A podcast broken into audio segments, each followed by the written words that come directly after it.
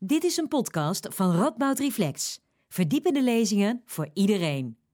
Welkom iedereen. Welkom bij een eh, programma dat uh, helaas niet in een zaal uh, geschiet, maar via dit medium. Waar zouden we zijn zonder dit medium, zonder Skype en zonder Zoom? we hopen u ooit weer in een zaal te kunnen verwelkomen, maar in de tussentijd gaan we gewoon door met het maken van boeiende programma's. Mijn naam is Kees Leijenhorst. Ik ben filosoof aan de Radboud Universiteit uh, Nijmegen. En ik ga dit programma uh, leiden van Radboud Reflex en De Buren, Vlaams-Nederlands Huis voor Cultuur en Debat. Vanavond is de eerste aflevering van een reeks. Een reeks waarin we vanuit verschillende levensbeschouwelijke perspectieven kijken naar een thema om te zien wat de overeenkomsten zijn uh, en verschillen en welke nieuwe inzichten dit kan opleveren voor mensen die niet gelovig zijn, die niet in zo'n levensbeschouwing zich bevinden. Dit keer is het thema zorg voor de ander, oftewel met de oude christelijke term naaste liefde. We hebben hiervoor drie uh, sprekers. Uh, de eerste is Niels de Nutte. Niels de Nutte doet onderzoek aan de Vrije Universiteit Brussel naar de geschiedenis van vrijzinnigheid en humanisme. En daarnaast is hij humanistisch consulent. Janneke Stegeman, theoloog, gespecialiseerd in het Oude Testament, onderzoekt de rol van uh, conflict in de ontwikkeling van religieuze tradities. En ze was theoloog des vaderlands. En Paul van der Velde, hoogleraar Aziatische religies aan de Radboud Universiteit Nijmegen, publiceerde talrijke boeken over het boeddhisme en andere Aziatische religies voor een groot publiek. Op twee momenten in dit programma vindt er ook een intermezzo plaats. Uh, met poëzie van schrijfster Simone Atangana Bekono. Uh, diversiteit is een heel belangrijk thema in haar werk. En haar debuut, debuutroman Confrontaties kreeg in de Volkskrant vier sterren. Opzet van het programma is als volgt. We krijgen eerst een lezing door Niels de Nutte. Daarna een intermezzo, het eerste intermezzo van Simone Atangana Becorno. Daarnaast, daarna een gesprek tussen Niels de Nutte, Janneke Stegeman en Paul van der Velde. En uh, daarna kunt u als deelnemer uh, vragen insturen via, dat kunt u trouwens de hele tijd al doen, u kunt vragen instellen via Mentimeter. En uh, die vragen, de, de, de code van Mentimeter die uh, verschijnt als het goed is in beeld. Um, en we gaan waarschijnlijk het laatste kwartier zo'n beetje besteden aan vragen van u. Dus uh, stuur uw vragen naar hartelust in. Dan geef ik nu graag het woord aan, aan Niels de Nutte.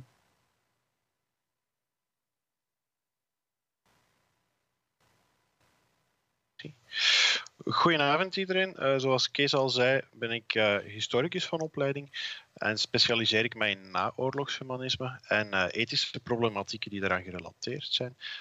tevens functioneer ik als opleidingscoördinator voor het postgraduaat praktisch humanisme dat de Vrije Universiteit Brussel en de Universiteit Gent samen met de Vrijzinnig Humanistische Koepelorganisatie De Mens Nu in Vlaanderen organiseren.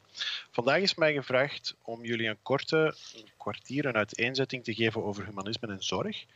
Uh, daarin zal ik beginnen met humanisme zelf kaderen, uh, wat het wel is, wat het niet is. Dus niet altijd even makkelijk. En dan een aantal aspecten van die zorg toch ook eens gaan bekijken. Voilà.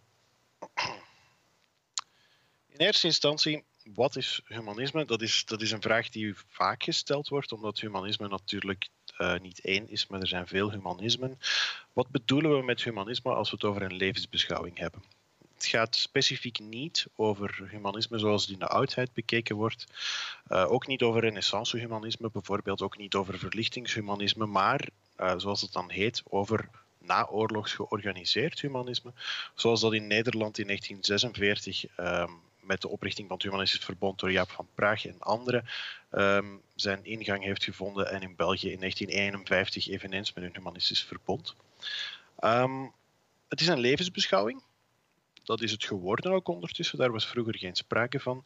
Wat wil zeggen dat de mensen die zich beschouwen of zich identificeren als humanist een bepaalde invulling geven aan hun leven die hun leven zin geeft. Het is ook de erfgenaam van veel andere stromingen. U hebt ongetwijfeld al eens gehoord van vrijdenken. van atheïsme. Vrijzinnigheid in, in, Vlaanderen betekent dat iets helemaal anders dan in Nederland. Maar je hebt ook bijvoorbeeld de Britse Ethical Societies en Ethical Culture Groups en het Amerikaanse uni, Unitarianism, wat een beetje een, een, project is geweest om één christelijke religie te maken um, op basis van wetenschap, uh, voornamelijk door theïsten. En humanisme is een beetje het humanisme dat we vandaag kennen is ontstaan uit het amalgaan daarvan en verzamelt zich in Humanist International, wat vroeger de International Humanist and Ethical Union heette. En op deze slide ziet u zo aan de rechterbovenhoek een uh, vreemd mannetje staan. Dat uh, heeft de bijnaam gekregen de Happy Human.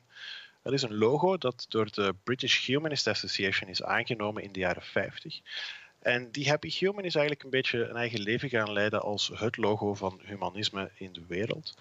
Um, als u op vakantie zou gaan naar het buitenland bijvoorbeeld, om het in welk land u komt, er zal altijd wel een variatie uh, van dat mannetje te vinden zijn in het logo van deze of gene humanistische organisatie in het land in kwestie.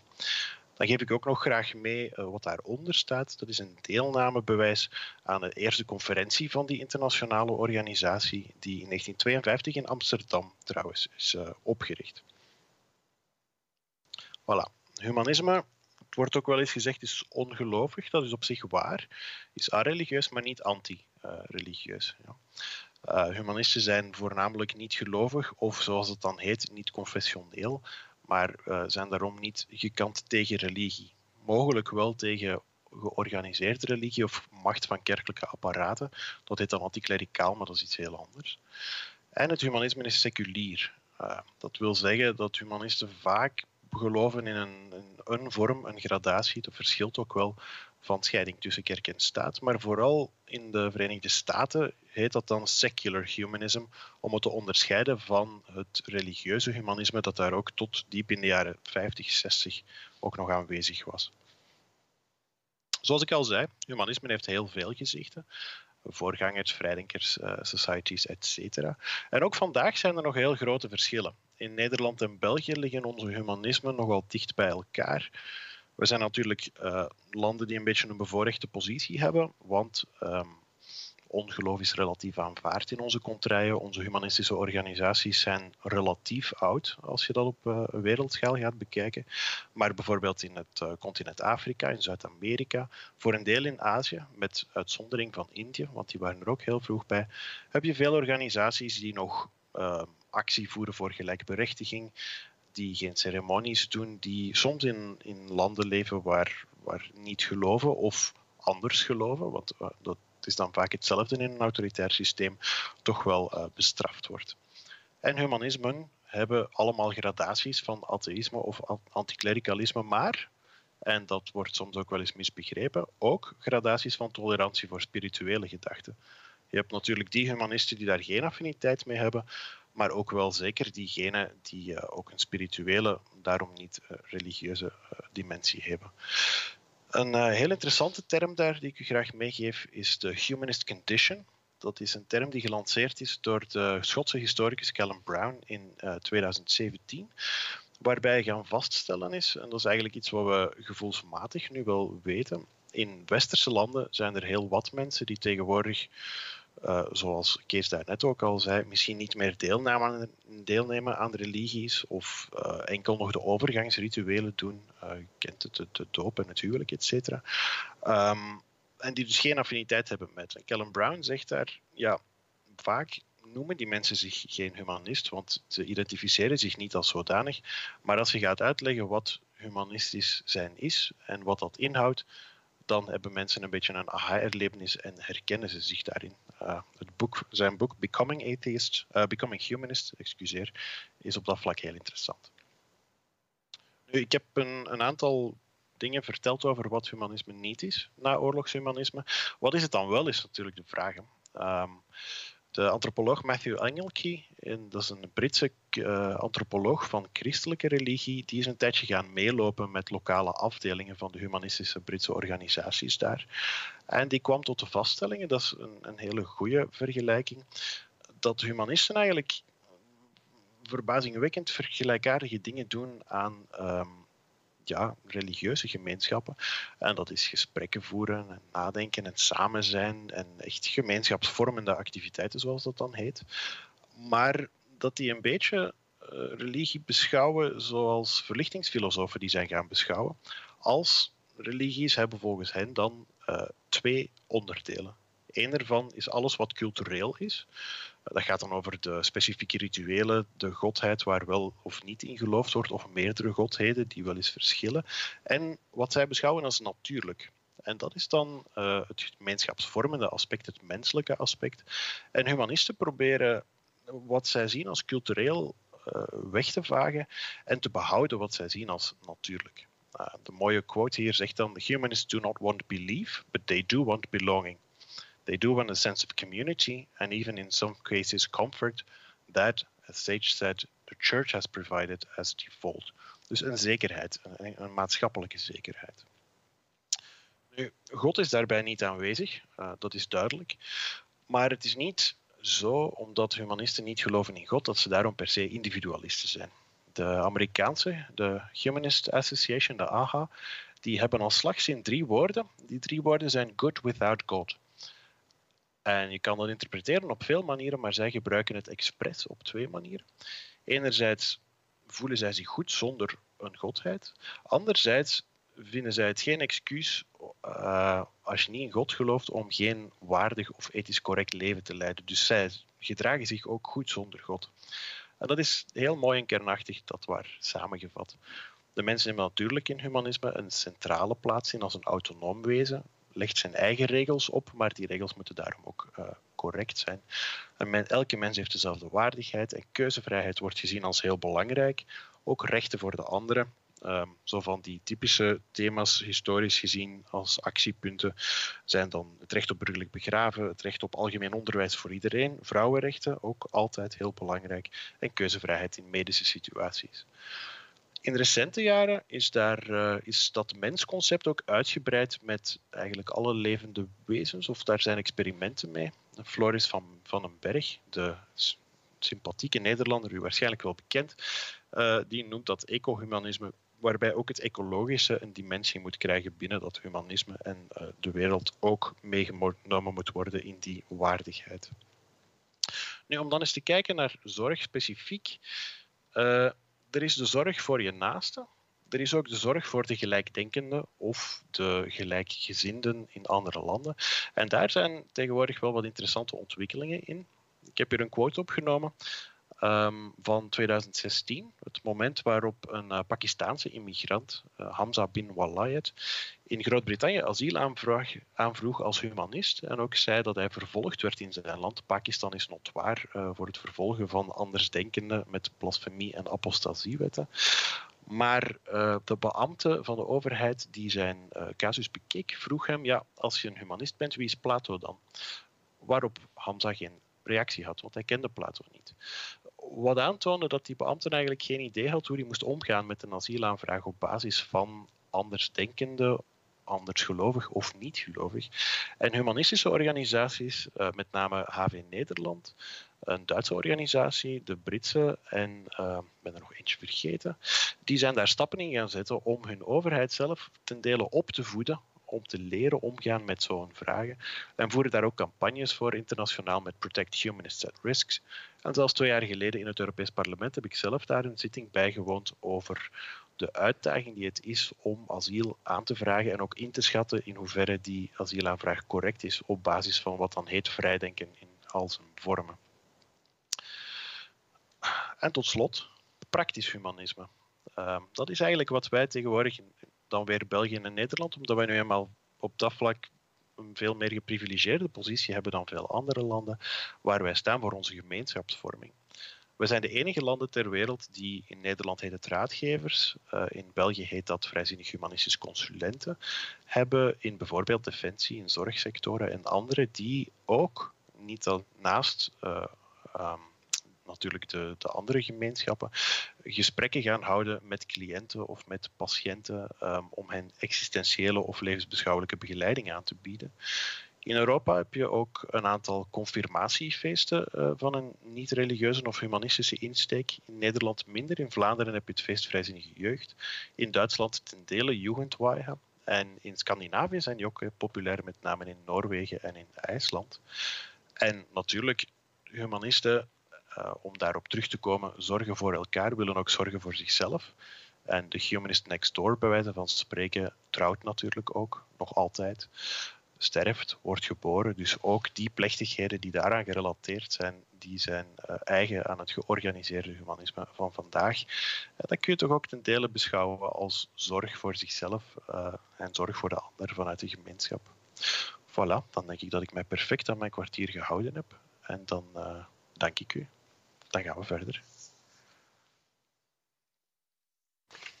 Ja, dankjewel uh, Niels. Uh, je kreeg een, uh, via de Mentimeter al een opmerking. het humanistische logo is een poppetje en geen mannetje, aangezien er geen geslachts- of genderkenmerken waar zijn te nemen. Dus daar mag je over nadenken, zometeen voor de discussie. Um, we gaan nu door met een intermezzo door Simone Atangana Bekono.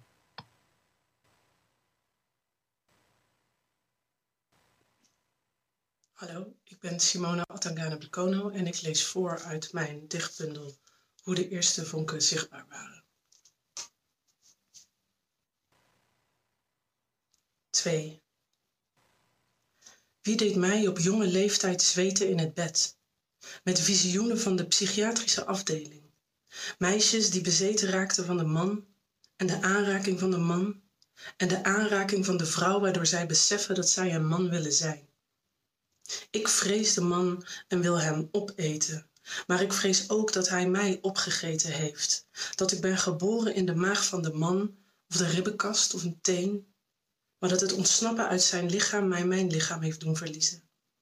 Ik wil de man opeten zoals ik Facebook eet en installatiekunst eet en jarenlang grote hoeveelheden licht dat op mijn gezicht scheen heb opgegeten. Ik hoopte de man op te kunnen eten, zo mijn zussen te beschermen, maar ik voelde resten van de man in mij knagen. Ze zijn op zoek naar een uitgang via mijn baarmoeder, mijn navel, mijn openstaande mond. Elke millimeter van mijn lichaam, van mijn denkend brein is opgesplitst in twee kampen. Ik ben één snoorhaar op de kin gevallen na een poging tot eenwording en de poging tot eenwording heeft gefaald. Alleen mijn silhouet lijkt te kloppen. Ik zal wegspoelen in de doucheput of ik zal verkruimelen. Ik zal verdrinken of stikken in de wollen trui die uit wordt gedaan ter vergemakkelijking van copulatie. Intussen zoek ik naar elektriciteitsmasten waaraan ik mijn gekrompen lichaam uit laat hangen, oplaat, samen laat smelten, want mijn lichaam is meerdere lichamen. Ik heb behoefte aan een staat van zijn die mij onnodig en almachtig maakt. Ik wil een gang bouwen die nergens naartoe leidt en er al mijn lichamen in opsluiten. Zodat zij zichzelf en elkaar geen kwaad zullen doen. Zodat zij als één aanwezig zullen zijn, zonder context die dat moet bevestigen. Miljarden kankercellen die zich in mijn vader hebben gevestigd, in mijn moeder hebben gevestigd miljarden kankercellen die zich in mij hebben gevestigd. Het juiste moment afwachten, zwijgend in een wachtkamer. Al mijn gedichten zitten stil. Mijn gedichten zijn aan de bedrand afgesmeerd. Mijn gedichten zijn geen gedichten. Ik ben een plas bloed die door een kleed heen sijpelt en van systemen tekst probeert te maken. De systemen vroegen: Wat kun jij doen nu jij dat weet? En ik was stil. Ik besloot op vakantie te gaan.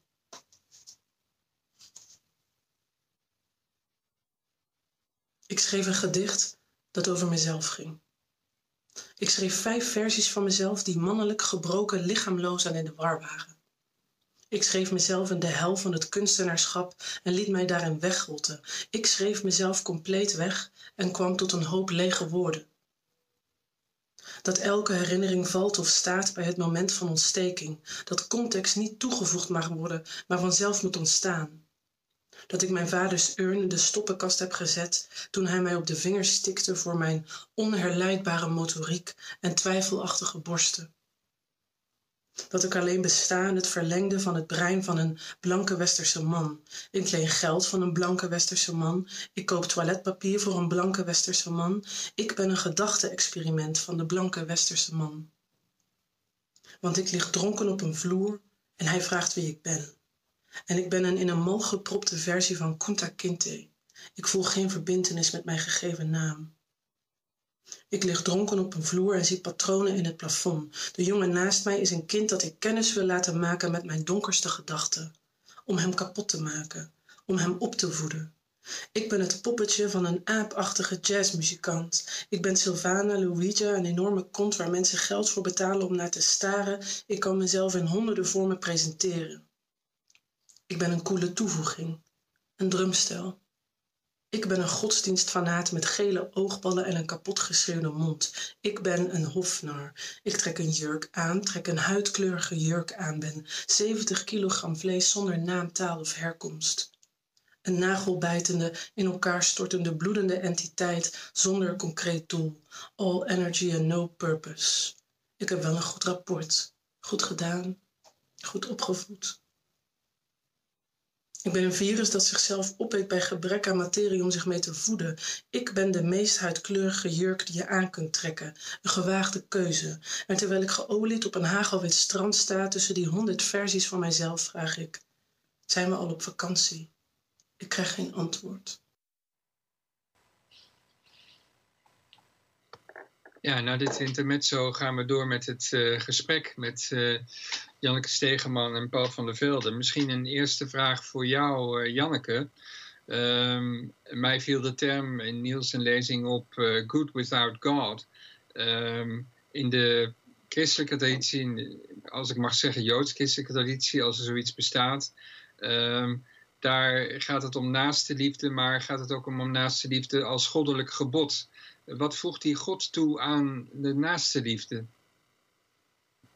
Ja, um, daar, over de joods-christelijke traditie zouden we nog een heel ander gesprek kunnen voeren. Ja. Maar ik vind eigenlijk uh, dat good, uh, good without God um, spreekt mij eigenlijk ook aan. Omdat ik het ook een gevaarlijk idee vind als je um, God, en het is dan uh, waarschijnlijk zowel de straffende als de belonende God, nodig hebt om goed te zijn. Dus, dus goed zijn is iets nastrevenwaardig in zichzelf, los van um, hoe God op jouw goede gedrag zou reageren, vind ik. Maar in de, zowel in het Oude Testament als in het Nieuwe Testament is het, een, is het uh, de opdracht is om elkaar lief te hebben, maar ook om God lief te hebben boven, boven alles. Hè? Dus die twee die gaan met elkaar samen. Dus dat transcendente perspectief zit, zit in, die, in die, nou laat ik dan zeggen, beide tradities. Um, ja, nee, dat, wat, is, ja, dat is wat, zeker wat, zo. Wat en, doe je daar dan mee? Nou ja, kijk, er is natuurlijk ook het idee, um, uh, zodra je uh, je naaste helpt, dat je dan ook God helpt. En aan de ene kant vind ik dat een mooie en inspirerende gedachte, maar er kan ook, ik vind dat er ook iets gevaarlijks in kan zitten. In de zin dat je uh, de wereld niet meer ziet, maar alleen nog maar God overal ziet. Mm -hmm. terwijl waarom, de wereld op zich ook van waarde is. Mm -hmm. En in hoeverre vind je dat een inspirerende gedachte? Om God in alles te zien. Nee, nou ja, dat vind ik. Uh, uh, ja. ja. Ja, sorry, ja. dat vind ik zowel een inspirerende gedachte als ook een gedachte die een beetje gevaarlijk kan zijn. Ja, dus een tweesnijdend zwaard zou je kunnen zeggen. Ja. Kijk, er ja. zit natuurlijk altijd een gevaar in het christendom dat je vooral dat je niet gericht bent op het hier en nu, maar op een hiernamaals, wat je kunt bereiken door goede daden te doen. En dat um, uh, op die manier kom je in de hemel. Dus, dat is, dus ik vind het mooie ook aan wat Niels de Nutte zei. Het humanisme is natuurlijk altijd gericht op het hier en nu. Ja, en wat vind je van de kritiek die die bijvoorbeeld zo'n filosoof als Nietzsche heeft geuit op het christelijk begrip naaste liefde. Naaste liefde, dat doe je eigenlijk voor jezelf. Dat doe je om jezelf beter te, te voelen. Uh, hoe, hoe denk je daarover? Ja, op zich vind ik dat eigenlijk prima. Dus ik vind niet um, dat naaste liefde, dat dat compleet altruïstisch moet, zou moeten zijn. Dus ik geloof eigenlijk niet zo in het concept Um, dat je iets voor een ander zou doen, terwijl je zelf als het ware helemaal onzichtbaar uh, blijft. ik vind het zelfs juist eigenlijk veel mooier als je, als je zelf ook aanwezig bent in wat je doet. Ehm, dus, ehm, dus ik vind het juist ook een stimulerende gedachte dat door een ander te helpen, uh, werk je ook aan gemeenschap. En dat, uh, dat is ook goed voor jezelf. Dus een, een soort wegcijferende naaste liefde waar je zelf uh, uit verdwijnt of niet in meedoet, um, dat vind ik eigenlijk niet inspirerend. Ja, je gelooft meer in een soort win-win situatie, zou je kunnen zeggen. je, je, je, je wordt er zelf ook beter van, bij wijze van spreken. Ja, en dat is denk ik ook zo. En het, dus ik vind het ook ja, alweer een gevaar aan het christendom. Dat je dan een soort. Um, dat je aan mensen kan opleggen. Je moet, je, helemaal, uh, je moet jezelf helemaal wegcijferen en jezelf wegschenken aan de ander. En dat is pas echt naaste liefde. Terwijl um, um, het, het gezamenlijk werken aan een wereld die prettig is voor iedereen, iedereen, daar tel je zelf ook in mee. En dat zit natuurlijk ook wel in het christendom, in die gedachte uh, je naaste lief hebben als jezelf. Dus dat suggereert dat je ook uh, uh, jezelf eh, dan moet lief hebben, want anders kom je aan de naaste niet eens toe. Mm -hmm. Ja. Eh, Paul, herken je ja. wat van deze verhalen vanuit Aziatische religies, met name het boeddhisme? Jazeker. Um, Kijk, in boeddhisme telt uh, altijd ontzettend de intentie van een handeling. Hè, uh, het, het, is niet zo dat, uh, kijk, dat good without God, dat, dat is in, in het, zeker in het moderne westerse boeddhisme nogal aanwezig. Maar daardoor denken mensen heel vaak dat ja, naaste liefde in dat boeddhisme niet zo'n rol speelt. En dat speelt eigenlijk enorm wel. Naaste liefde tenminste het helpen van de anderen mededogen, getuigt van wijsheid. En wijsheid is een van de kwalificaties van de verlichte wezens. En wijsheid en mededogen, die twee, um, ja, die vullen elkaar ook aan. Een, een, een, wezen is wijs, een wijsheid is inactief. De actieve vorm is mededogen. En een mededogend wezen is per definitie een wijs wezen. Uh, ik moet wel zeggen, er is een enorm verschil tussen wat je aan uh, boeddhisme in Azië hebt, en daar zijn natuurlijk zeer veel stromingen. En het is dan ook een groot verschil met wat je hier in het Westen aantreft. Uh, er wordt vaak gezegd uh, tegen mensen die hier die zich boeddhist noemen, hier in het Westen dan, hè, dat dat redelijk egocentrisch is, omdat deze mensen vaak bezig zijn met verbetering van de kwaliteit van hun eigen leven. En daarbij wordt vergeten dat uh, in het boeddhisme in Azië een enorme traditie bestaat van wat we hier liefdadigheid zouden noemen, geven aan goede doelen, inzetten voor uh, leidende mensen, voor leidende dieren, et cetera. En de moderne westerse boeddhisten hier, die associëren of verbinden hun praktijk vaak niet met het feit dat ze aan burenhulp doen, dat ze uh, doneren aan War Child, et cetera. In, in, in Azië zou dat meteen beschouwd worden als onderdeel van de praktijk. En hier gebeurt dat minder, maar het is er intussen wel. Het, het, het, het doet gewoon mee. Tegelijkertijd, wat Janneke net zei, dat, dat, dat, is dat opofferen ten koste van alles, helemaal ten koste van jezelf. Uh, dat is in het boeddhisme en ook in het hindoeïsme niet nastrevenswaardig. Uh, er zijn wel verhalen genoeg waarin dat gebeurt. En de Boeddha heeft zelf ook een aantal keren zijn eigen lichaam weggegeven aan anderen, onder meer aan een hongerige tijgerin heeft zichzelf echt te eten gegeven. Maar die verhalen worden meer ter inspiratie aangereikt uh, dan dat je ze echt zou moeten navolgen. En er wordt dan ook heel vaak gezegd dat uh, die verhalen je duidelijk moeten maken uh, dat nederigheid erg belangrijk is. Er zijn altijd wezens geweest die een grotere toewijding hadden aan de medewezens dan jijzelf. het, het, het, is niet zo dat je dat ook per se moet doen uh, jezelf op die manier opofferen. Het kan ter inspiratie dienen. bijvoorbeeld uh, weet ik dat uh, geboorteverhalen van de Boeddha voor, voor vorige levens, hoe hij zijn lichaam heeft weggegeven aan anderen, dat die kunnen dienen ter inspiratie of je al dan niet moet inschrijven als orgaandonor. Dan komen dus dat soort verhalen naar, naar voren. Mm -hmm. nou, de Boeddha heeft helemaal zijn eigen leven, zijn eigen lichaam gevoerd. Nou ja, dan kunnen wij natuurlijk een stukje geven na de dood. Dus dat, als je zelf overleden bent. Dat soort overwegingen zijn er wel. Dat speelt.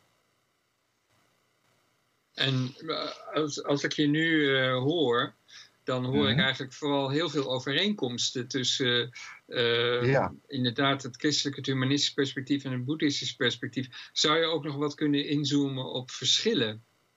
Op verschillen.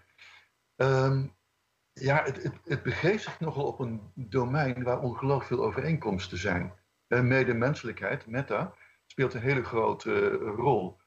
Ehm, een, een, een verschil is misschien wel dat, eh, zeker in Azië, eh, boeddhisten altijd te maken hebben met een straffende kant van de bovennatuur. Hè? Karma beloont, maar karma straft ook. En daar gelooft werkelijk iedereen in hoor. En dat is natuurlijk hier in het Westen uh, veel minder aanwezig. Maar uh, het is zonder meer waar dat je dus, als je goed bent voor een ander, dat dat inderdaad die win-win situatie. Je wordt, je wordt er zelf namelijk ook beter van.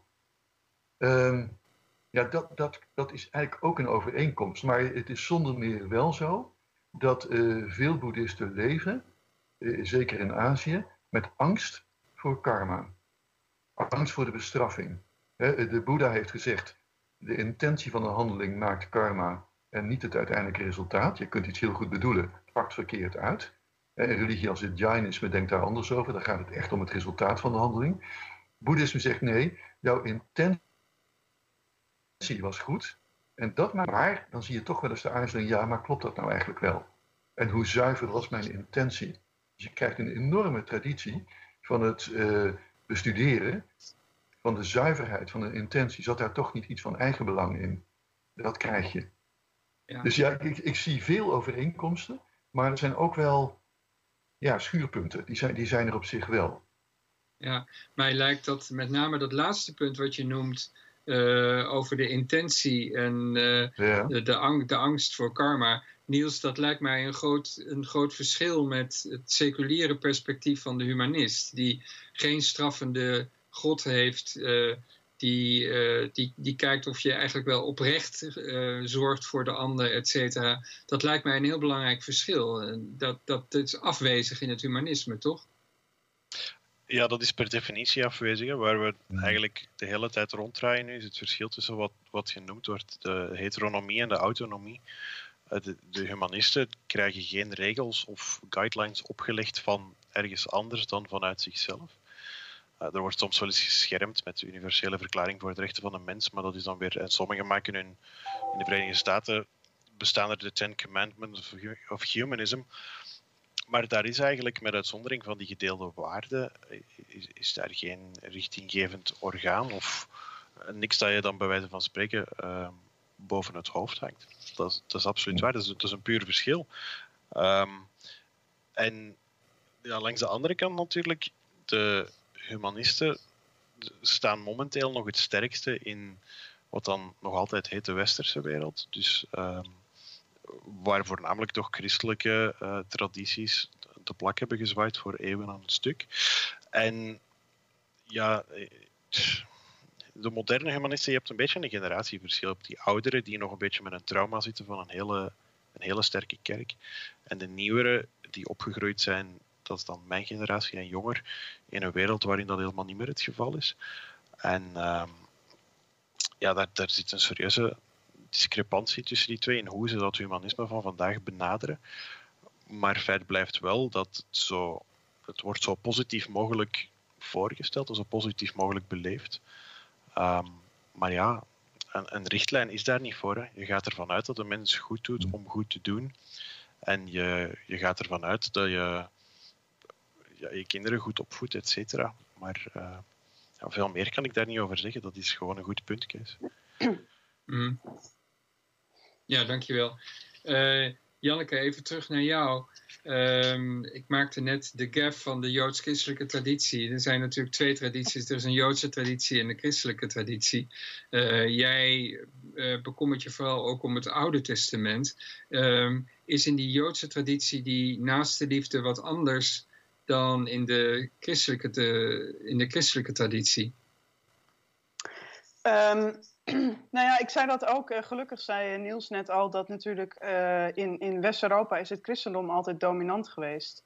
Dus ik vind het gevaar van de joods-christelijke traditie dat je die dominantie van het christendom, die zich ook uiten in antisemitisme ten opzichte van het Jodendom, dan uh, een beetje wegmoffelt. Of dat dreigt dan te gebeuren. En um, ja, het, in het Jodendom.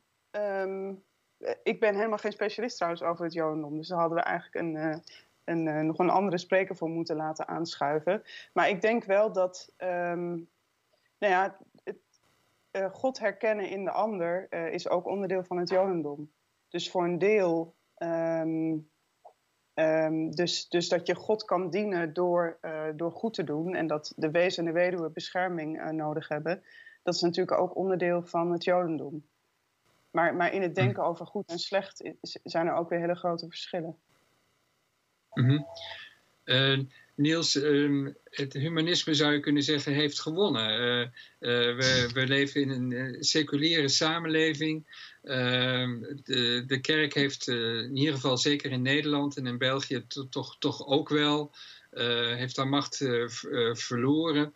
Um, dus het, het, seculier humanistische perspectief op zorg en naaste liefde, dat is eigenlijk een dominant perspectief geworden. Of is dat niet zo? Valt er nog wat te, te bekeren, bij wijze van spreken, vanuit het humanistische perspectief? Dat, is, dat, is, een moeilijke vraag, omdat daar een aantal dingen samenkomen.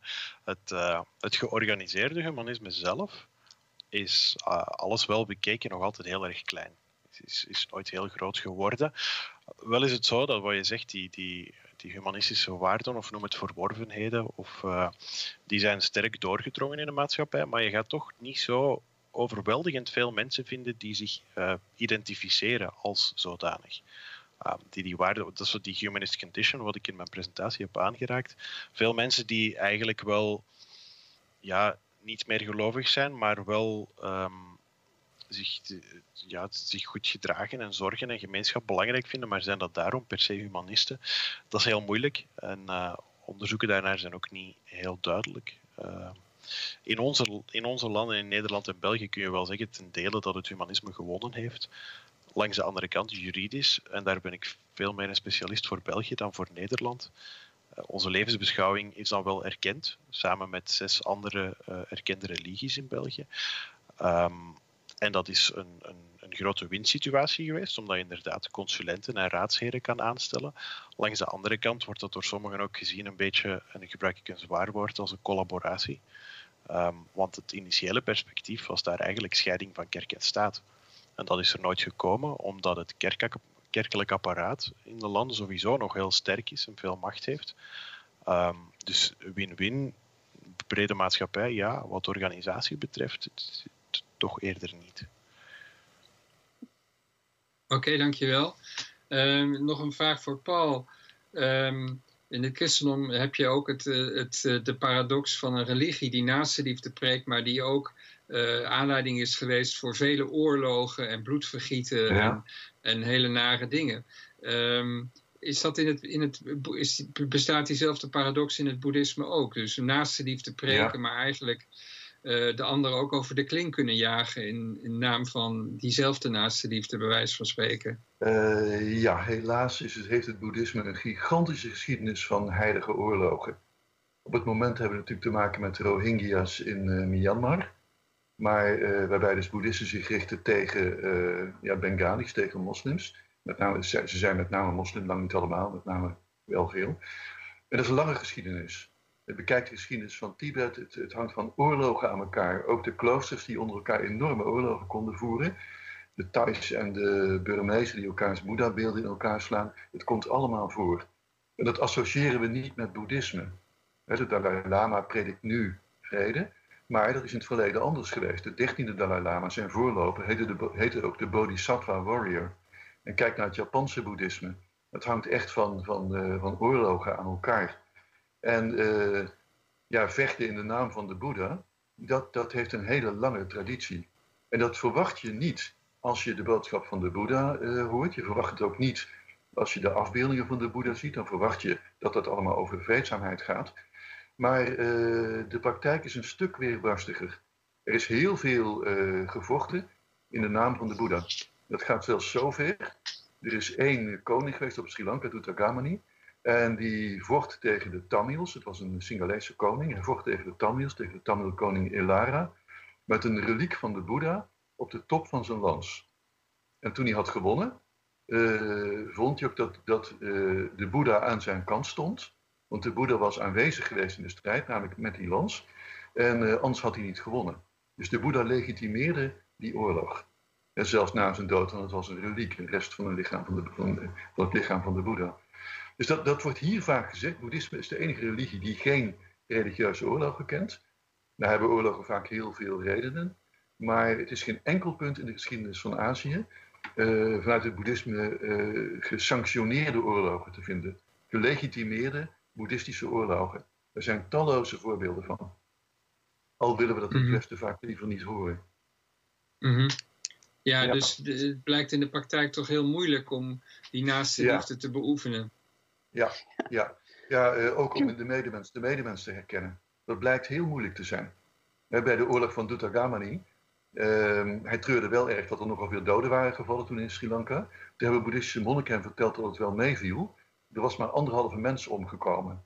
Dat was namelijk een Tamil die boeddhist was geworden. En een Tamil die in het proces van bekering zat. En de andere Tamils, ja, het waren geen mensen, want dat waren geen boeddhisten. En in Japan kwam het voor, ook, ook in China, dat uh, het was geen punt om niet-boeddhisten te doden bij een oorlog. Want dan kregen ze de kans te reïncarneren. En dan konden ze in dat leven boeddhist worden. En dit zijn dus typisch van die, ja, van de droogredeneringen, et cetera. Heel ver kom je er volgens mij ook niet mee. Maar uh, deze ideeën bestaan in Azië wel. Dat is er. Herkennen die medemens maar eens de medemens. Dat is toch niet zo simpel naar het schijnt. Janneke, hoe, hoe, hoe, denk jij daarover vanuit de christelijke traditie? Daar, daar kennen we inderdaad het concept van de heilige oorlog ook. Dus de paradox van de, de religie die naaste liefde preekt, maar het blijkt in de praktijk toch heel moeilijk te zijn om, om die naaste echt lief te hebben, bij wijze van spreken. Ja, nou ja, en dat zie je natuurlijk. Uh, ik denk dat, dat wat Paul zegt heel erg waar is. Dus Um, meestal zien we de naaste niet als een naaste, maar als iemand die minder mens is of die uh, vanwege een andere religie of andere huidskleur. En dat zie je natuurlijk, uh, dat zie je al in de Hebreeuwse Bijbel. een soort idee over een, zuiver volk en de andere ontstaan. En dat zie je in het Nieuwe Testament ook en in de geschiedenis van het christendom natuurlijk al helemaal. Dus dat, um, dat de liefde vooral geldt voor degenen die op jou lijken. Uh, die zijn zoals jij en dat uh, degenen die afwijken um, juist een gevaar zijn. Of, of zelfs, zoals Paul ook zei, dat het juist goed is om hen um, zelfs te doden. Ja, Niels, is het humanisme daar een uitweg? Is het humanisme met die waarden als autonomie en ehm, individualisme... een humanistische oorlog kan ik me moeilijk voorstellen. Een oorlog niet, maar ik denk dat wat blijkt uit wat er al gezegd is, alles met mate. Hè. De humanisten vandaag, ja, zeker de, ja, de jaren 50 en 60, maar ook daarvoor, met een, als je een enorme vooruitgang hebt gehad vanaf de eind 19e eeuw, dan uh, dikke eeuw van wetenschap, heel veel, of ze zich dan al humanisten noemden, ja of nee, uh, maar dan vrijdenkers en de proto-bewegingen.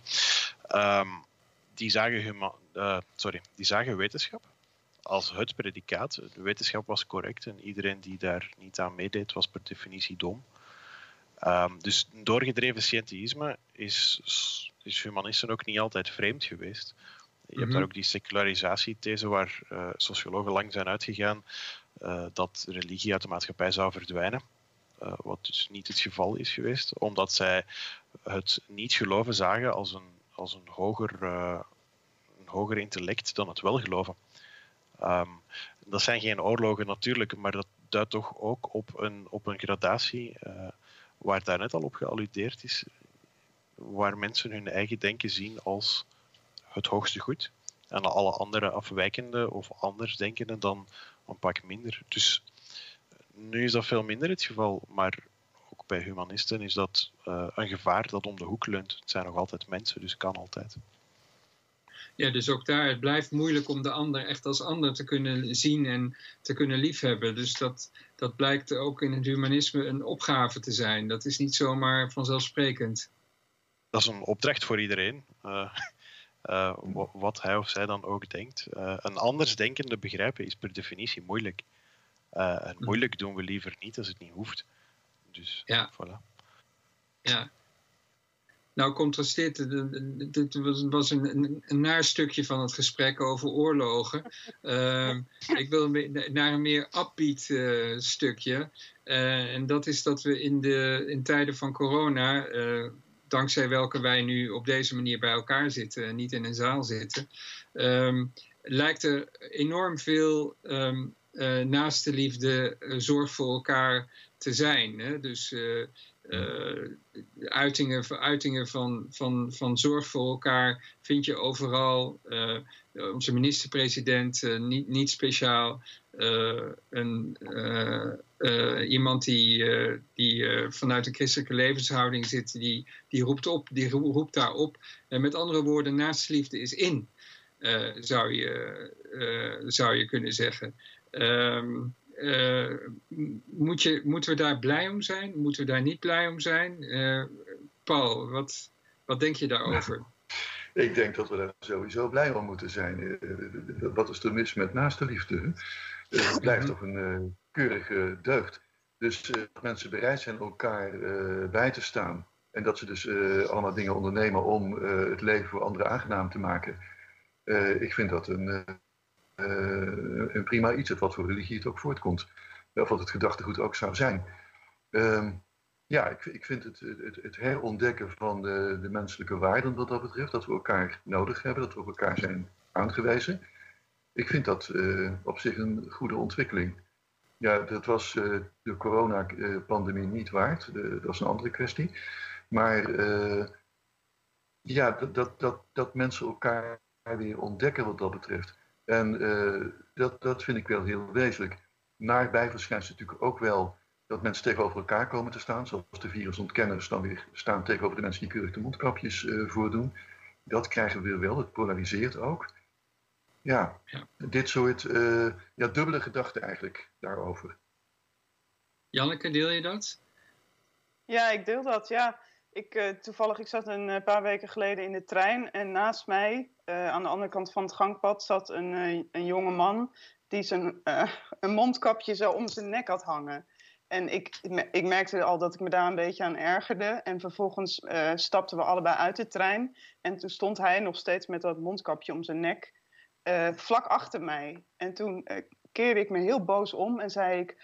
Als je dan geen mondkapje draagt, hou dan tenminste afstand. En toen zei hij iets heel... Um, uh, onbeschoft tegen mij. En toen zei ik ook weer wat terug. En, en toen ik uitstapte uit de trein schaamde ik me. En toen dacht ik, oh ja, dit is ook, um, dit is ook wat er gebeurt in deze tijd. Dus dat je, je let extra op elkaar en, je, en de ander is een bedreiging. Um, en, en, je, en je tolereert niet dat de, de ander afwijkt van de regels. En de ander tolereert weer niet dat jij diegene daarop wijst. Dus ik vind het ook wel um, ik zie inderdaad ook wel uitingen van naaste liefde, maar ik zie ook um, juist hoe moeilijk samenleven nu is. En ik heb ja, daar ook aan de Niels, hoe, hoe, hoe, zie jij dat? Ja, de, het is heel mooi, denk ik, al, uh, hoe we onze zorgstaat terug een beetje ontdekken. Uh, we zien nu dat bij ons dan een regering een premie kan geven voor mensen in armoede.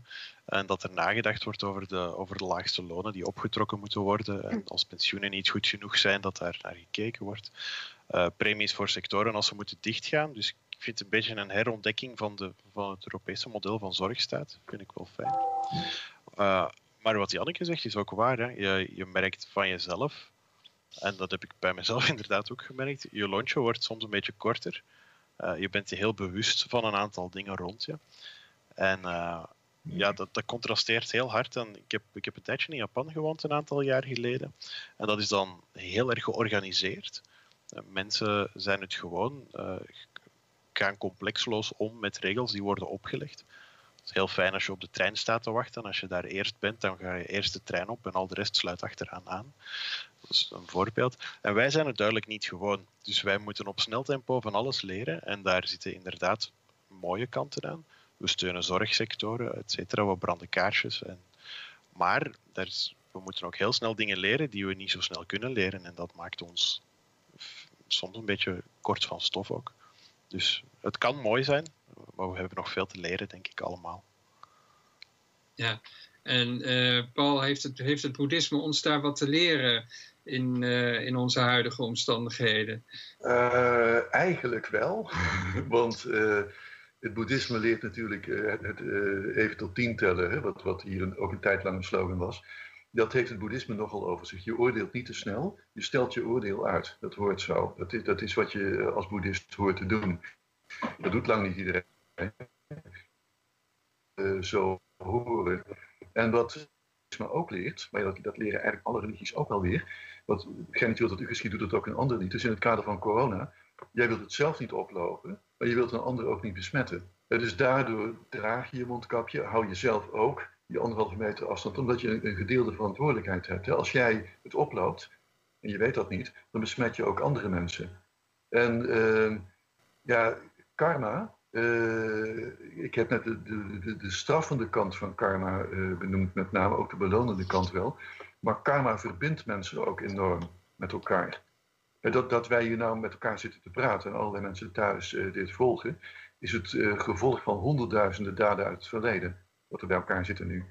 En dat is corona uiteindelijk ook. Ja, boeddhisme wil niet aan groepskarma, dat kom je bij theosofen en esoterisch tegen. Daar wil boeddhisme niet aan. We zijn allemaal losse wezens wat dat betreft. Maar we zitten uh, gezamenlijk in deze situatie door wat ons karmisch overkomt. En hoe gaan we daarmee? ideeën rond groepskarma bestaan eigenlijk in Azië niet. Hè. Dat moet ik echt even met klem benadrukken omdat het wel eens gezegd is door met name esoterici hier in het Westen, dat wat de Joden is overkomen tijdens de Holocaust, dat dat groepskarma was. Nou, dat is absoluut niet Aziatisch om dat te denken. Dat, dat, dat is, nee, alleen die gedachte al levert heel veel slecht karma op. Uh, en dat is met zo'n pandemie eigenlijk uh, precies zo het geval. Waarom dit nou gebeurt? Ja, we kunnen hele praktische redenen aanwijzen waarom. We, het is, het is te, te groot geworden, we vliegen te veel, we reizen te veel, verspreidt zich heel snel, het zal allemaal best. Maar hoe gaan we ermee om? Daar ligt de uitdaging. Dat is wat we moeten doen. Azië is wat dat betreft altijd onvoorstelbaar pragmatisch. Er wordt niet te veel uh, op metaniveau gereflecteerd, dat doen ze in de kloosters wel. Maar uh, Azië in de praktijk, de Aziatische religies in de praktijk, zijn ongelooflijk gericht op wat doe je er in het echte alledaagse leven mee. Ongelooflijk uh, orthoprax, zoals het wordt genoemd. Hè? Wat doe je ermee? Je kunt er mhm. op honderdduizend manieren over denken, maar zit daar de uitdaging nou eigenlijk wel? Mhm. Niet dat het daarmee ophield, want uh, in Tibet is het echt voorgekomen dat uh, monniken met enkele honderden binnen in het klooster te conceptualiseren wat mededogen was. En ze hadden het buiten kunnen doen. Ik bedoel, dat, dat, dat, is er in Azië net zo, goed hoor, dit soort, uh, dit soort ontwikkelingen. Maar Azië is pragmatisch in deze. En je doet dingen dat is hoe religie zich vertaalt naar de praktijk toe. Ja, en Janneke, denk jij dat de coronacrisis dat het een, vernieuwde aandacht kan hebben voor zo'n christelijke begrip als naaste liefde? Dus uh, christelijke traditie was, was nagenoeg verdwenen in, uh, in, uh, in Nederland, in ieder geval in het publieke debat. Is het coronacrisis goed voor een comeback van zoiets als naaste liefde? Nou ja, kijk, ik geloof eigenlijk niet zo erg dat het christendom erg verdwenen is uit het publieke debat. Uh, twee uh, regeringspartijen nu in uh, Nederland zijn christelijk. zelfs onze minister-president is hervormd en een kerkganger. Dus ik, ik geloof dat het eigenlijk nog behoorlijk aanwezig is. Um, ik zou het wel heel. Kijk, en het christendom heeft natuurlijk allerlei gezichten. En heeft ook hele lelijke gezichten. En die heeft het in de Nederlandse samenleving en politiek zeker ook gehad. Uh, dus ik ben helemaal niet voor een soort uh, christendom dat opnieuw machtig wordt. Uh, ik denk wel dat er christelijke concepten zijn, zoals inderdaad naaste liefde. Um, bijvoorbeeld ook dus het belang van de verzorgingsstaat. En ik zou het fijn vinden als dat weer wat meer over het voetlicht komt. Maar om eerlijk te zijn, ik zie wel inderdaad mensen applaudisseren voor de zorg. Maar ik zie nog niet echt dat we ook inzien dat die mensen echt heel belangrijk zijn in de zorg. Um, uh, en, en dat, dat het echt tijd is dat we dat soort beroepen weer gaan waarderen. Dus ik hoorde bijvoorbeeld vandaag dat het tarief voor de deurwaarders omhoog gaat. Dus dat mensen die een deurwaarde aan de deur gaan uh, krijgen, dat die daar meer voor moeten gaan betalen. Dus ik, ik ben niet heel optimistisch over dat dat soort positieve christelijke gedachten over uh, nou, gezamenlijk lasten dragen bijvoorbeeld, dat dat nu echt heel erg um, terugkomt. Of op een nieuwe manier ehm, aanwezig gaat zijn. Mhm. En Niels, zie je in de huidige coronacrisis een, een mogelijke opmars van, van het, uh, het humanisme? Uh, met zijn nadruk op autonomie en ook op zorg en, uh, en dat soort dingen? Ga, niet per se, ja. Um, nadruk op zorg. Ik denk niet dat het humanisme daarin zo, zo uniek is in vergelijking met andere uh, levensbeschouwingen. Als het gaat over, wij noemen het dan geen naaste liefde, maar zorg voor de ander, daarin verschillen we nauwelijks. Um, maar wat Janneke zegt is waar. hopelijk krijgt die zorgstraat terug wat meer ruimte of appreciatie. Mm -hmm. um, maar om dan terug te komen op een punt van daarnet, dat zal er dan ook weer van afhangen wie we als onze naaste gaan beschouwen in die naaste liefde. Want zo'n crisis kan goed werken, kan ook polarisering in de hand werken. En als je bevolkingsgroepen hebt die de impressie hebben dat andere bevolkingsgroepen het slecht volgen. Um, ja, je, hebt, je hebt ghetto's in grote steden, je noemt geen ghetto's, maar je hebt, je hebt concentratiewijken waar percepties rondhangen. Als die percepties niet aangepast worden, dan is naast liefde daar voor veel mensen niet van toepassing. Um, en dat zie ik niet direct veranderen. Daar gaat de crisis mm -hmm. hier niet, niet zo voor helpen. Mm -hmm. uh, ik hoop natuurlijk van wel, maar um, ja. Goed, uh, we gaan naar de vragen van de deelnemers uh, thuis. Um, ik heb een eerste vraag en die vraag is denk ik vooral voor Paul. Uh, in hoeverre is een hindoe ook geen humanist te noemen? Daar het hindoeïsme ook niet echt één religie is, maar een uh, assimilatie van vele lokale stromingen en invloeden. Is ja. het hindoeïsme een, een, een humanisme? Uh, is het hindoeïsme een humanisme? Er zijn hindoes die humanist zijn. Onder hindoes kom je werkelijk alles tegen. Uh, de meeste hindoes zijn zwaar theïstisch. Die leven met heel persoonlijke goden. Ja, dat is een heel rijk uh, pantheon aan goden binnen het uh, hindoeïsme. Maar er zijn humanistische uh, hindoes.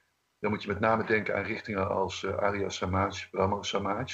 de Bengaalse renaissance, zoals die zich voltrok eigenlijk ten tijde van de Engelsen. Maar dat is zeker aanwezig. Maar hindoeïsme is nog veel meer dan het boeddhisme. Inderdaad, wat deze persoon ook al zegt, een gigantisch amalgaam van allerlei stromingen moeten daarbij ook heel goed bedenken dat Hindoeïsme als term een uitvinding van het Westen is. Begin 19e eeuw hebben Westelingen die term op een heleboel religies uh, geplakt. Maar onder Hindoes kom je humanisten tegen. En uh, humanistisch gedachtegoed en Hindoeïsme is uitstekend te combineren. Zeker ook omdat Hindoeïsme draait om rituelen, dingen die je doet, en niet per se om dingen die je gelooft. Dus uh, mm. combinaties van systemen zijn binnen het Hindoeïsme heel gewoon. Komt heel veel voor. Dus dat kan. Ja. Die zijn er, ja. zeker.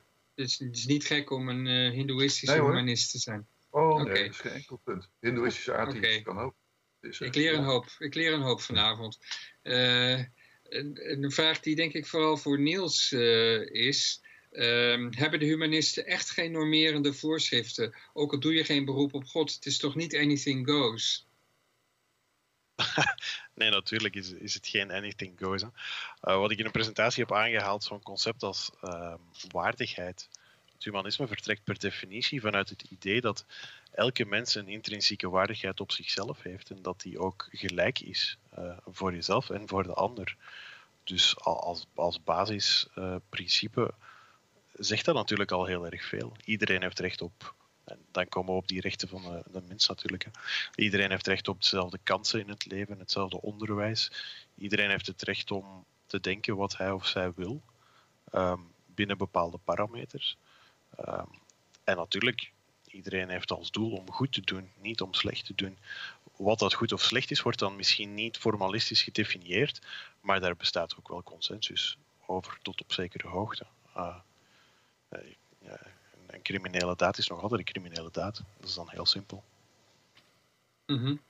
Maar wat is dan de bron van die normerende uitspraken? Waar haal je dat vandaan? Dus je haalt het niet van een god vandaan. Ja, dat is volgens mij de achtergrond van de vraag een beetje. Waar haal je dat anders vandaan?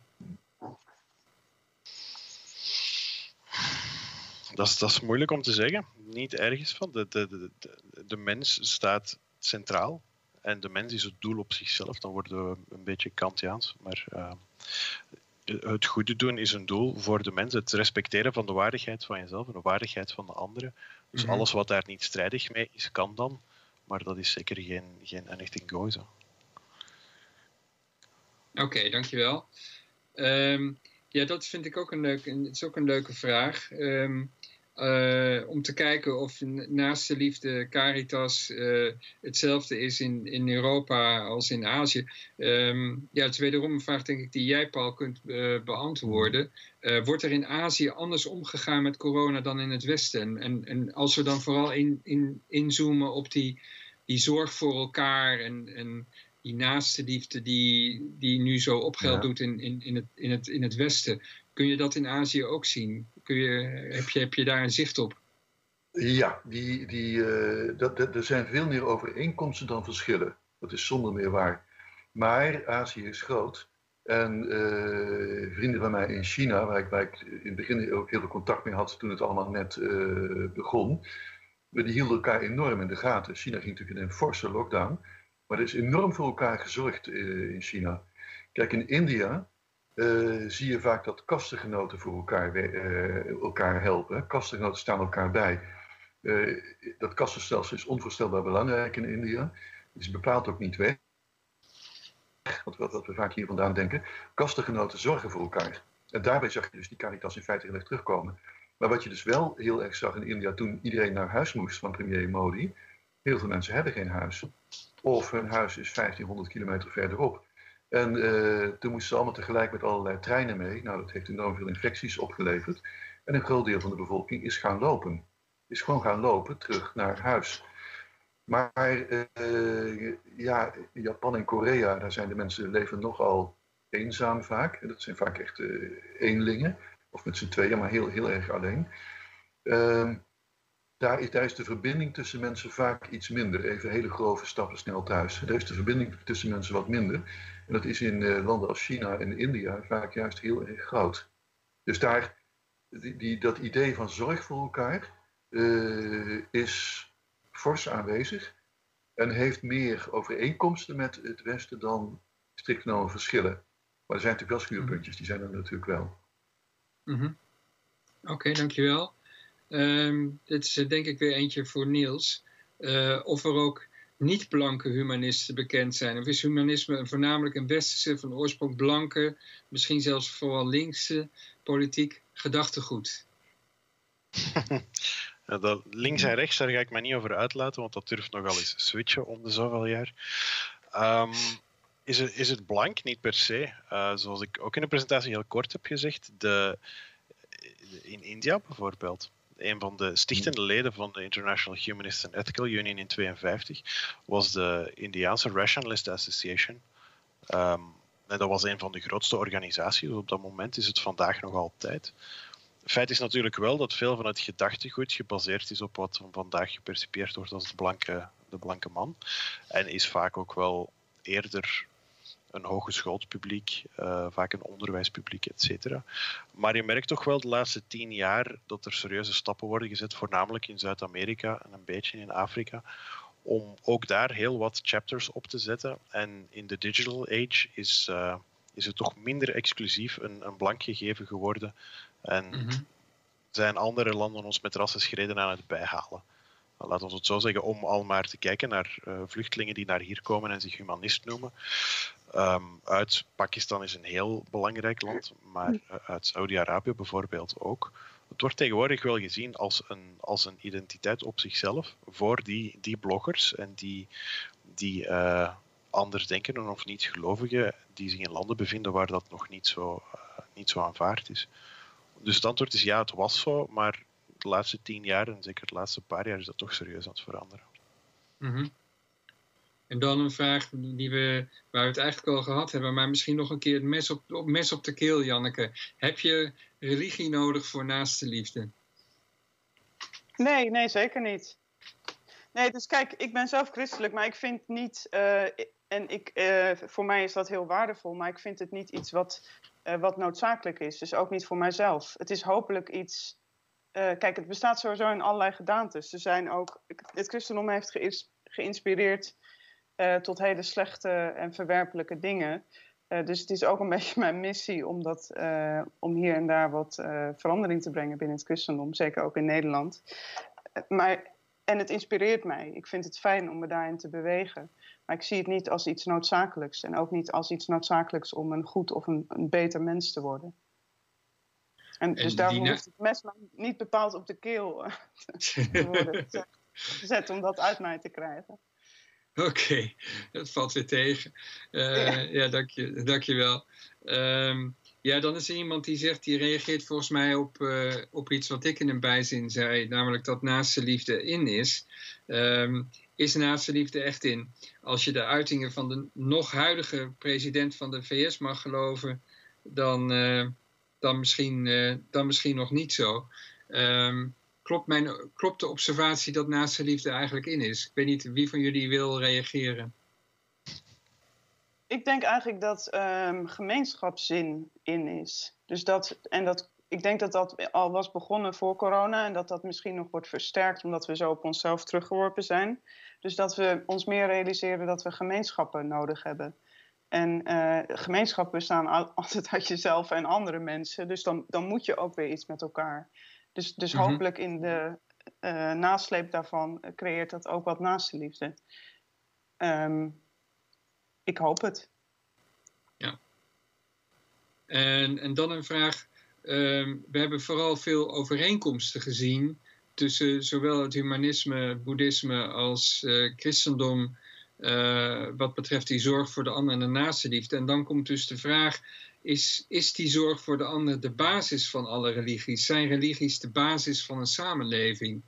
Uh, Paul, kun jij daar iets over zeggen? Dat is een uh, hele forse vraag. Uh, zijn religies de basis van de samenleving?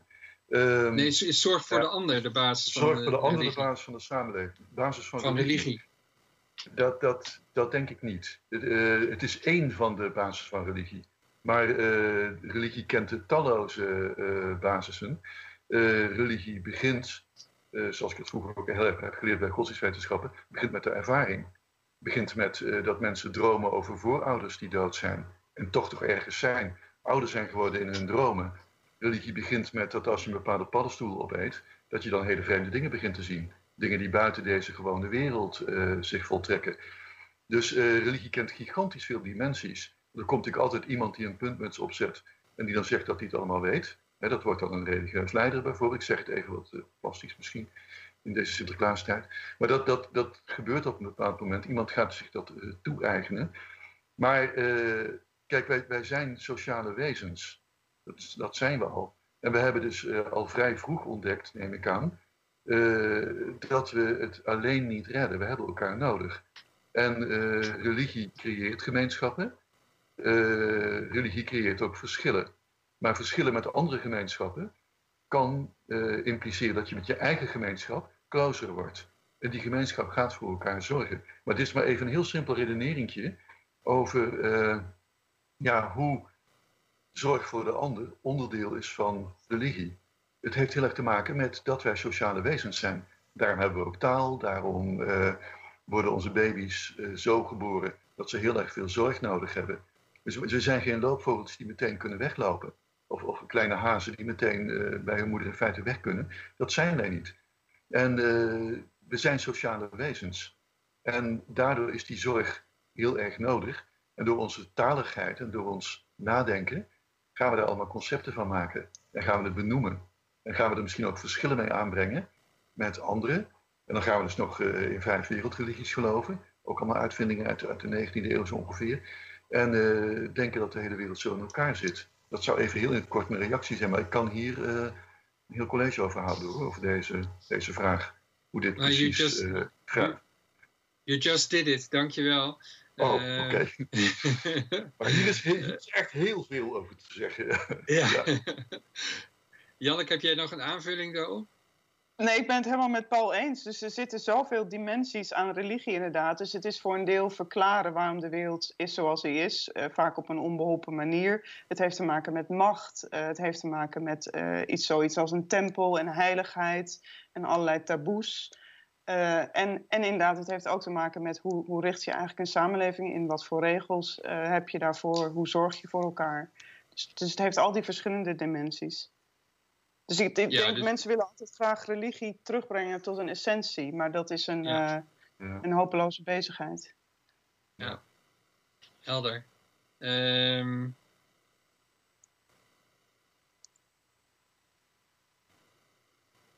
Ja, weer een andere vraag. Um, is het ook niet juist zo dat door de secularisatie vroegere religieuze verbanden als een soort vangnet wegvallen en we daardoor nu op een andere manier hier weer naar op zoek gaan, bijvoorbeeld door vrijwilligerswerk? Janneke, kun jij daar iets mee? Ja, dat is denk ik zeker zo. Dus eh, vroeger, uh, in de tijd van de verzuiling, was natuurlijk je, waar je religieus gezien bij hoorde, dat voorzag je in, in al je, ook in een sociaal verband. Um, uh, dus bijvoorbeeld, mijn moeder is nog opgegroeid met het idee dat uh, alleen gereformeerden goede mensen waren, hervormden waren bedenkelijk en katholieken waren slecht. Dus, het is, dus de, religie is dan een soort indeling in hoe de wereld in elkaar zit. En je hebt ook meteen, ja, dit zijn mijn mensen. Eh, dit, de bakker, dit is de krant die we lezen. Wij gaan met elkaar om. Um, dus dat is heel vanzelfsprekend. En nu is het denk ik voor mensen veel meer zoeken. Dat is denk ik ook heel waardevol. Want dan kun je uh, kun je ook veel meer echt zoeken waar je bij hoort. Maar het is ook harder werken. En, en ik denk inderdaad wel dat, dat veel mensen daar ook toch wel behoefte aan hebben. Dus een groep, um, uh, een groep mensen bij wie jij je thuis voelt. Ja. Oké. Uh, we moeten de discussie sluiten. Uh, maar voordat we naar het einde toe gaan, krijgen we nog een, het tweede korte intermezzo door Simone Atangana Becona, die voorleest uit haar eigen werk. 1. Ik ben in een bos geboren. Ik ben geboren en er werd een lamp op mij gericht. Op het geboortedoek achter mij verscheen mijn silhouet. Mijn silhouet deed haar mond open. Ze zei: Ik besta omdat jouw lichaam bestaat. Kronos, die zijn kinderen verorberde, bloeddorstig als Goya hem afbeelde op doek met olie. Een onherkenbaar geworden lichaam, gulzig en chaotisch, zonder wortels in de aarde. Daar moest ik het mee doen. Ik hoorde geheig en gelach, concrete, specifieke geluiden. Mijn silhouet was een silhouet zonder specifieke kenmerken. Mijn silhouet was op een onbegrijpelijke manier van mij. Zij handelde voor mij, zij was er alleen als ik keek. Zij bestond alleen op het doek. Concrete, specifieke geluiden. Ik wilde opgenomen worden in een systeem van vinkjes en kruisjes. Ik wilde virtueel, seksueel en van politiek ondaan genot. Ingesloten worden met mijn kin op de rand van het bureau op de achterbank van een Tesla. Uit het keuzemenu verwijderd worden. Ja, ingesloten worden. Oké, eh, Niels, Janneke en Paul, heel erg bedankt voor jullie uh, bijdrage um, en, uh, aan het gesprek. En Niels, bedankt voor je, nogmaals bedankt voor je lezing. Ehm, mensen thuis, heel erg bedankt dat jullie hebben ingeschakeld. Ehm, ondanks corona konden jullie toch aanwezig zijn. de volgende aflevering van deze serie God in de Stad, die volgt in het voorjaar. Uh, het thema zal zijn Sabbat, de, de waarde van rust. Meer info over de datum en sprekers en misschien zelfs locatie, maar dat moeten we nog zien. Volgt zo spoedig mogelijk op de websites van de buren en van uh, Radboud uh, Reflex. Op die websites van de buren en Radboud Reflex vind je ook meer info over de volgende programma's. Bijvoorbeeld Vers van het Mes, Het Mes, een eigenzinnige poëzietournee bij de buren op 19 november en De Werkende Mens bij Rapport Reflects op 30 november. Nog een fijne avond en uh, tot ziens en tot de volgende keer. Dank u wel.